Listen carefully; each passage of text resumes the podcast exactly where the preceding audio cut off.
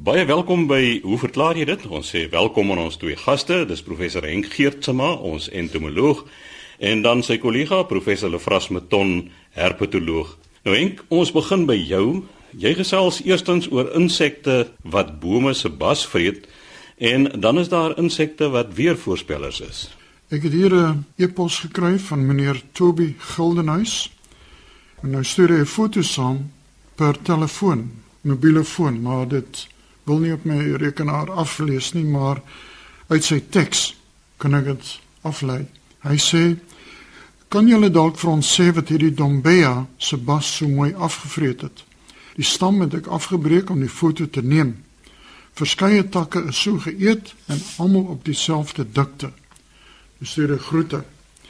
Nou, meneer Geldenhuis, van die kort beskrywing af en die nie foto wat u vir my gestuur het nie kan ek vir u presies sê met watter insig het ons te doen en dit is een van die sogenaamde haal korrelgat boorders. Dit behoort tot die familie Postrichidae en die besondere genus of spesies wat u mee te doen het is Apati. A P A T E spesies. Nou sonder dat ek die foto gesien het, kan ek nou al vir u sê dat die takke wat geëet is en op dieselfde dikte se bas weggevreet het, is so 'n duim of 2.5 cm dik. Wat hierdie kewer doen en dit is die wyfie wat die skade doen. Die wyfie ringbas hierdie takke op daardie besondere dikte en dis hoekom u 'n hele paar van die takke in die boom so gevind het. Wat sy maak eintlik, sy ringbas die tak en wat gebeur nou? Dat die tak op die uiteinde met ander woorde aan die terminale kant van die tak sterf terug. Dan lê sy haar eiertjies onder die bas en die larwetjies begin dan van die hout vreet. Wanneer die dinges doen sy nie die ringbas metode nie, dan is die sapvloei in die boom of in die tak so hoog dat die larwetjies nie kan vat nie, soos ons sê, in die hout in begin boor nie. So dis 'n algemene verskynsel wat 'n mens kry van hierdie soort kewers en gewoonlik gebeur dit in die somermaande wanneer die plantsap ryklik vloei en natuurlik die takke groei ook lekker maar die ding is daar's baie sagte hout en dit is wat die kewers se larwes opvoed. So dis heeltemal 'n natuurlike verskynsel natuurlik nie vir u so natuurlik nie want die takke gaan terugsterf. Wat jy kan maak is jy kan net die takke afsny of afknip en dan is die probleem opgelos. Die tweede brief wat ek gekry het is van Tertius Venter Davies. Nou hier so 'n dubbelloop agterna. Vir my baie mooi is. Nou hy skryf vir ons 'n baie mooi lang brief en ek wil graag die hele brief in sy totaliteit lees. Hy sê ek is in my middeljare. Hy woon in Midrand. Nou graag vakansie in die Karoo, Weskus en Namibia omdat daar min mense is en die paaie reguit loop maar hy is dan een van ons gereelde luisteraars. En hy sê hy mis nooit 'n uitsending nie. En dan is hy baie bly dat die program op die RSG webtuiste beskikbaar is. Maar hy sê hy wil graag hierdie stellings maak. In die natuur maak alle diere voorbereidings as hulle weet dit gaan reën. Soogdiere soek skuilings of staan styf in groepe agter stewes wind op. Ons kyk maar na trop skape wat hulle doen. Voeltjies is in 'n nes of in 'n beskermde plek. Dan sê meeste reptiele soek die hoër grond. Primate veral trek takke oor hul koppe en dan sê ensovoorts. Tog een van die bekend met 'n storie van 'n ou baas wat weer voorspel deur net diere dop te hou. En dan sê oom nog vir vlaks akkuraat ook. Insekte is nie uitgesluit van die voorbereiders nie. Hy sê dan hy onthou goed hoe hy as jong kind gereeld 'n muurnes dopgehou het. En hy sê Jean Marie se trots gewees het op my. En dan onthou hy hoe die mure die sandwal aan die hoër kant van die nes se opening verstewig in verwagting van die reën en die gevolglike vloed. So sonder dat hy dit geweet het, het hy al as 6-jarige die vermoë gehad om reën te kon voorspel net deur na die gedrag van mure te kyk. Nou sekerlik as mense klein gogga is, verteenwoordig 'n ewige donderstorm met reën 'n krisis van een of ander aard. Vir soogdiere en voëls is dit 'n duur prys om te betaal en energie om weer warm en droog te word. Maar vir insekte kan dit tog wees dat hulle die finale prys, met ander woorde afsterwe moet betaal. Al die maaksels moet dus 'n sekere ingeboude snelherstelsel hê wat hulle die weer kan laat voorspel. Nou, ek kan vir u sê dat insekte is baie baie gevoelig vir barometriese druk. Dat so gou hulle agterkom, is dit lae druk in die ontwikkel, kan 'n mens sien dat byvoorbeeld die reismure kan 'n mens sien hoe hulle grond uitwerk uit hulle neste en sogenaamde hoopies op die nesingange bou. Soos meneer Venter ook reg sê, mure creëer 'n so so soort van 'n damwalletjie. So die insekte maak hulle wel deeglik voorberei op een of ander reën wat gaan kom. Maar nou sê, maar wat van die stomme goggas en vele mure in 'n voorstadse tuin? Nou jy weet natuurlik dat 'n tuin is gewoonlik 'n kunsmatige omgewing.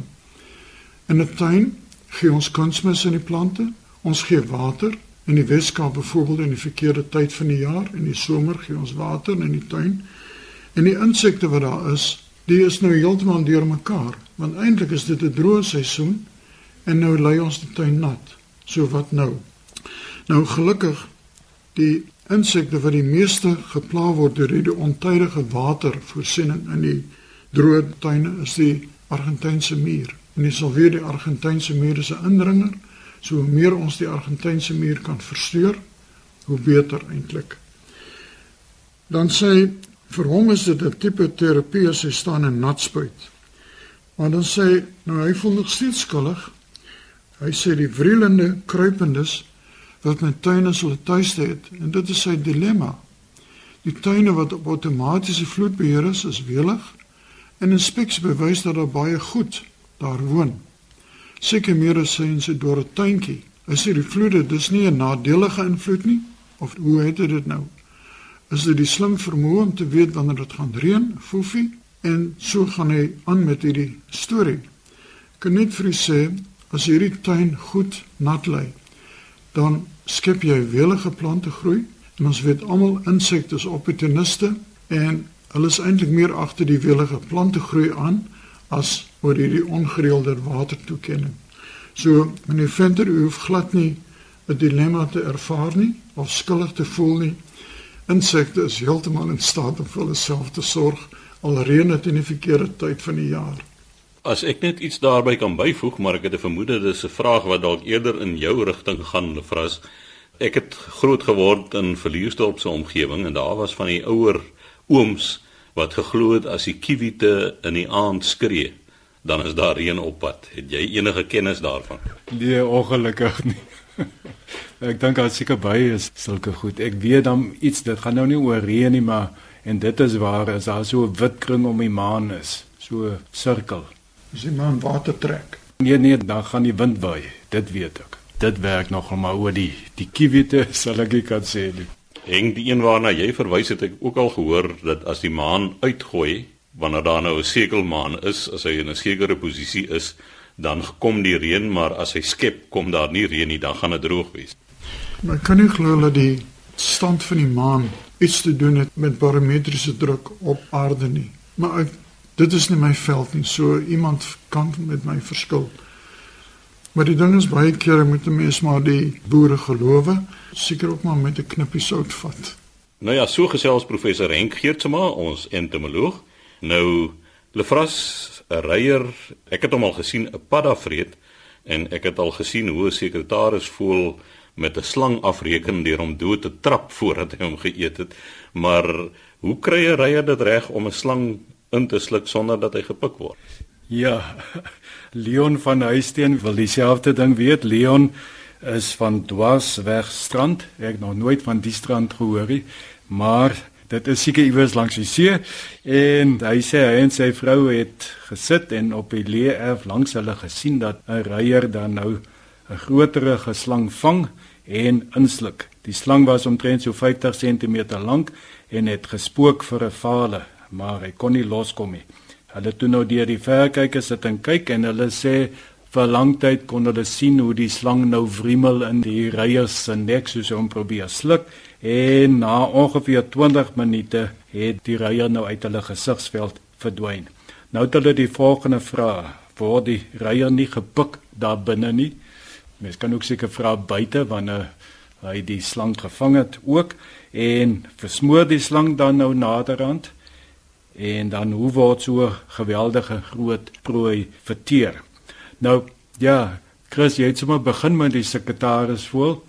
Daar is natuurlik baie diere wat spesialiseer in slange en dit is 'n feit dat die reiers 'n slang is ook op hulle lys, op hulle inkopieslys as hulle veld toe gaan. En 'n uh, sekretaris voel ja, die is slimme, 'n sekretaris voel het 'n ou kort snaveltjie want dit is 'n roofvoël.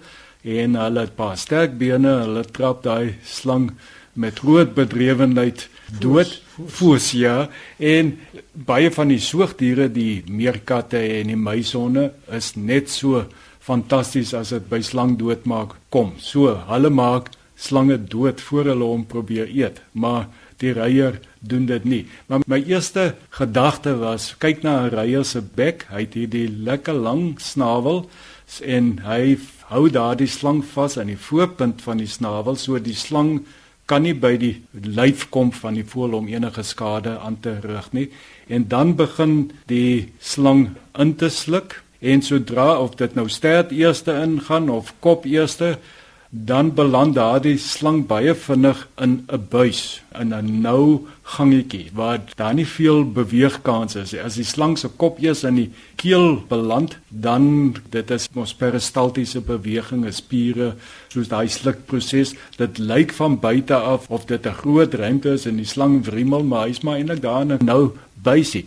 Enige mense wat met slange werk veral giftige slange wat hulle doen hulle laat die slang in 'n nou buisie inseil en dan steek net daardie stukkie van die lyf uit wat hulle nou op wil werk en die slang kan nie links of regs draai nie. So ek dink daardie metode word in 'n groot mate ook deur die rye toegepas. Die slang gaan nie in 'n bondel in nie, hy gaan in sy lengte soos 'n stuk spaghetti word hy ingesluk.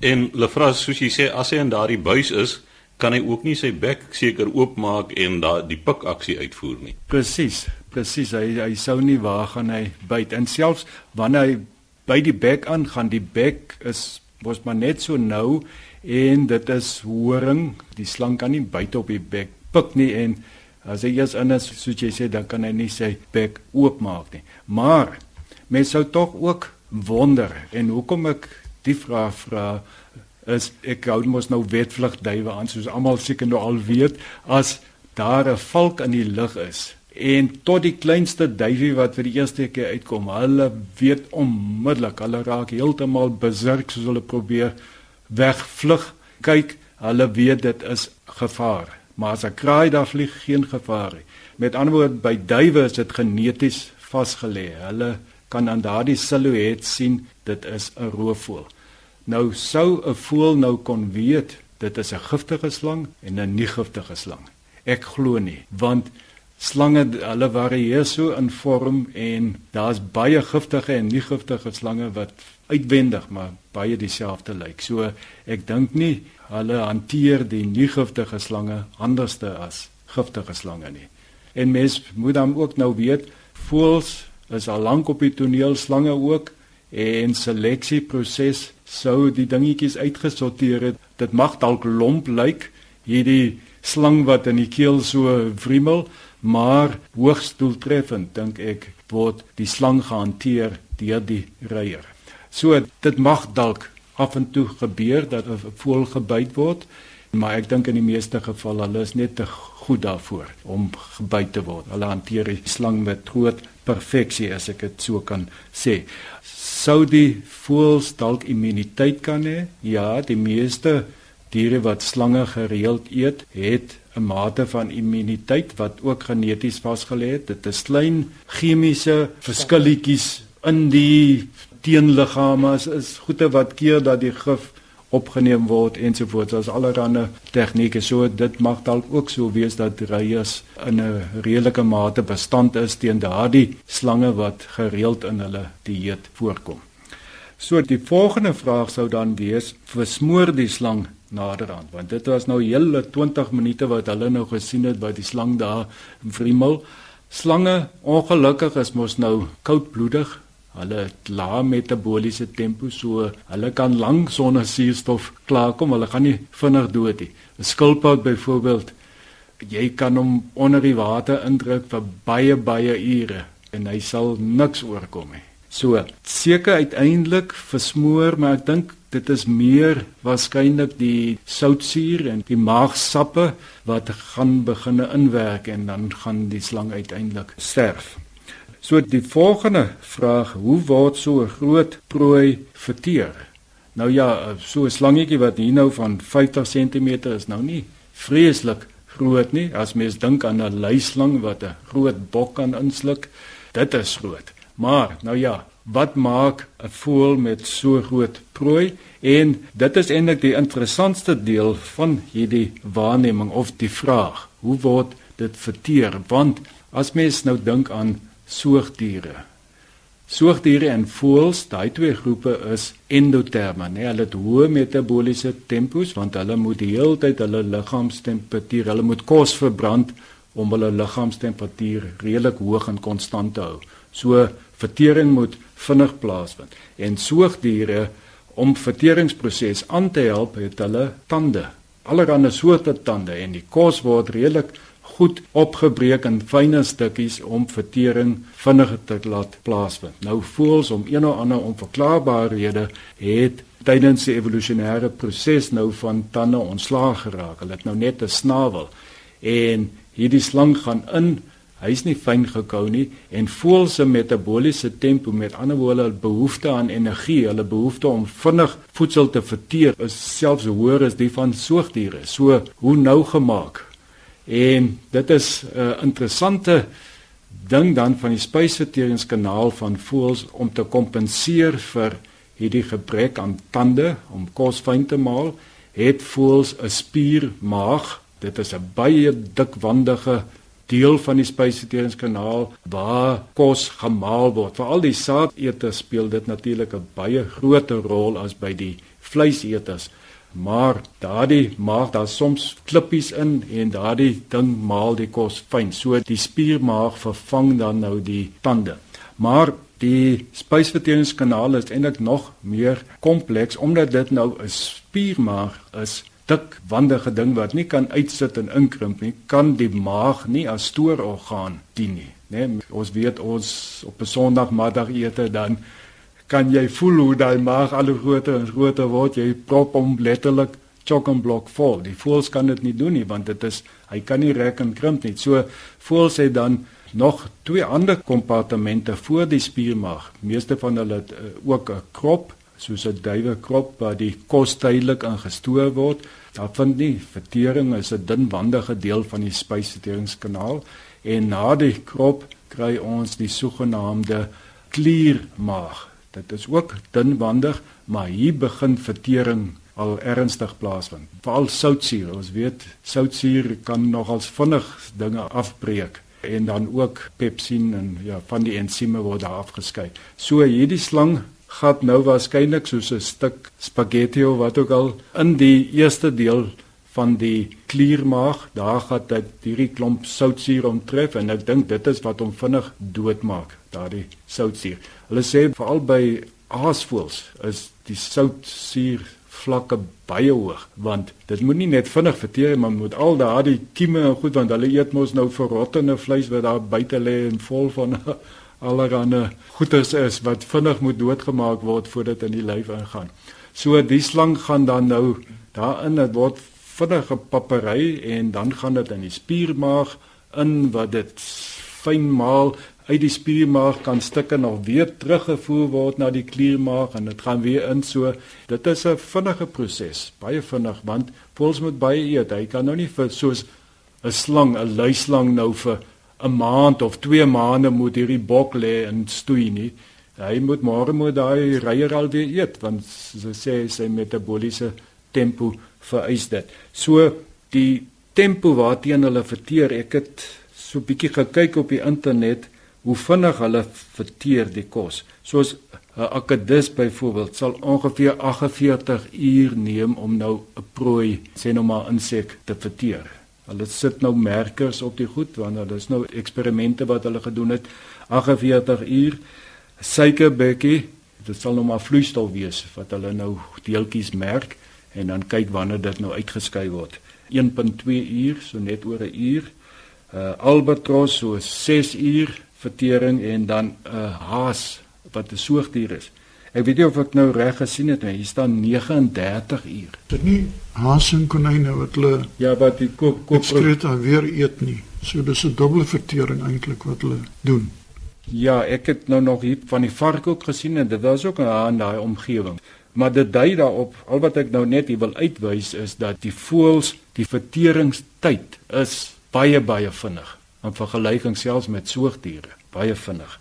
So, hierdie voëls lyk my is hulle kan eet, hulle kan partytjie en veral die kersfees eetes sal hulle geniet. Hulle vra ek die twee vrae of stellings Ek dink die grootte van die slang, nommer 1, die reier weet deeglik hoe groot daai prooi is en hy sal kans sien vir 50 cm, maar hy sal nie kans sien vir 'n groter slang nie. So die keuse van die prooi grootte by reier is seker baie belangrik.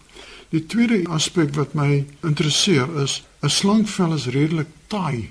Nou die spesifieke ek meen in vergelyking met 'n padda byvoorbeeld wat die reier sal sluk sal 'n slang baie langer vat om te verteer as in die geval van 'n padda of is dit nie korrek nie? Kom ons vat net eers jou eerste vraag. Baie definitief. Ek dink die reier of enige dier sal sy prooi so klein bietjie oorskat, net so net so vir bietjie groter as wat ek werklik kan waarskap. Ja, ja, want ons weet dit van onsself. Ons vir alles kind, jy wil maar net al nog so 'n skepie roomhuis eet. So definitief ja, mens sien dit oral dat prooi grootte word bepaal deur hoe groot die kake kan oopmaak en hoe dik ding in die nek kan afgaan en en die voels natuurlik weet dit uit ondervinding want hulle gaan 'n klomp energie vermoos deur nou te stoei daar vir 'n uur met iets wat hulle in elk geval nie kan eet nie. En dan die tweede vraag oor die vertering van vel.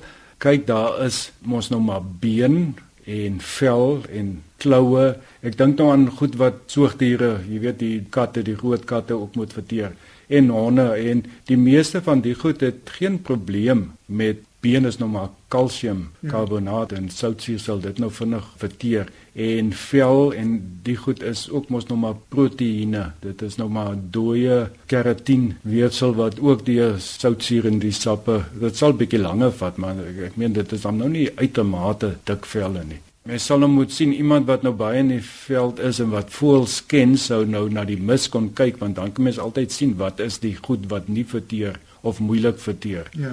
As mens na eile kyk byvoorbeeld, dan kom maar altyd die klomp hare uit. Maar ek dink omdat dit daar so vinnig gaan by eile dat dit is eintlik net die sagte goed wat belangrik is. Die ander goed hoef nie verteer te word nie, ja. so dit word maar uitgeskei. Ek het sommer so 'n bietjie op die internet gekyk nou net oor diere wat slange eet hierdie diere wat spesialiseer op slange eet was natuurlik in baie lande of is nog steeds baie waardevolle diere. Ek dink nou dan Indië, Sri Lanka, daardie lande waar daar baie slange is en waar die bevolking baie hoog is. 'n Slang buite is, jy weet, is 'n groot storie en selfs van die plaasdiere wat so gereeld gebyt word. En dan probeer die mense diere mak maak, muisonne of so wat hulle dan op hulle erf ja. of waar ook al aanhou om dan nou die slange weg te hou en daar's baie interessante leesstof oor daardie aspek. En nou ja, as ou nou so 'n paar makkeryers kon hê wat jy daar om jou huis aanhou, hulle sê ek seker hulle gaan 'n groot rol speel om die slange weg te hou. Hulle vang net klein slangetjies. Dan moet jy nou maar sekretaris voel, een of twee ook hou en ja, hulle doen baie waardevolle werk. Hulle vra as baie kortliks net ten slotte, ek weet jy het 'n uh, hele tydjie gelede hieroor gesels, maar as daardie slang nou giftig sou wees en die gifsakkies is vol en die slang verteer nou, dan beland die gif mos nou in die reier se maag, kan dit hom nie doodmaak nie. Kyk, gif is nou natuurlik 'n baie komplekse ding. Dit is nie net een bestanddeel, dit is 'n hele mengsel van verskillende goed, maar dit is mos maar alles maar proteïene en proteïene is makromolekuule en daardie molekuule moet nou eers afgebreek word na iets kleiner voordat in die bloedstroom kan beland en dan is dit nie meer gif nie. So dit kan net 'n effek hê as dit direk in die bloedstroom sou kon beland via 'n stikkenplek in die keel of in die mond. Mens kan gif drink behalwe as jy nou 'n stuk in 'n tand het. Baie interessante navorsing wat hulle in Nederland doen op die gif van die koninkobra van Indië. Hulle het so 83 komponente daaruit geïsoleer en die idee is eintlik om hierdie komponente apart te kry omdat jy weet kobra gif byvoorbeeld veroorsaak verlamming of bloedverdunning. So hulle kyk na hierdie komponente van die slanggif in verband met mediese medikamente. So ek dink dis 'n interessante aspek. Mens moet nie net slanggif beskou as 'n negatiewe ding nie, hier's dalk baie positiewe goed vir die mensdom ingesluit. Nou ja, daar het die tyd ons ongelukkig ingehaal. Dit was dan professor Lefras Meton wat gesels het oor reiers of voëls wat slange vreet saam met hom sy kollega professor Henk Geertsma. Skryf gerus aan ons en rig dit aan. Hoe verklaar jy dit? Posbus 2551 Kaapstad 8000 of 'n e-pos aan chris@rsg.co.za.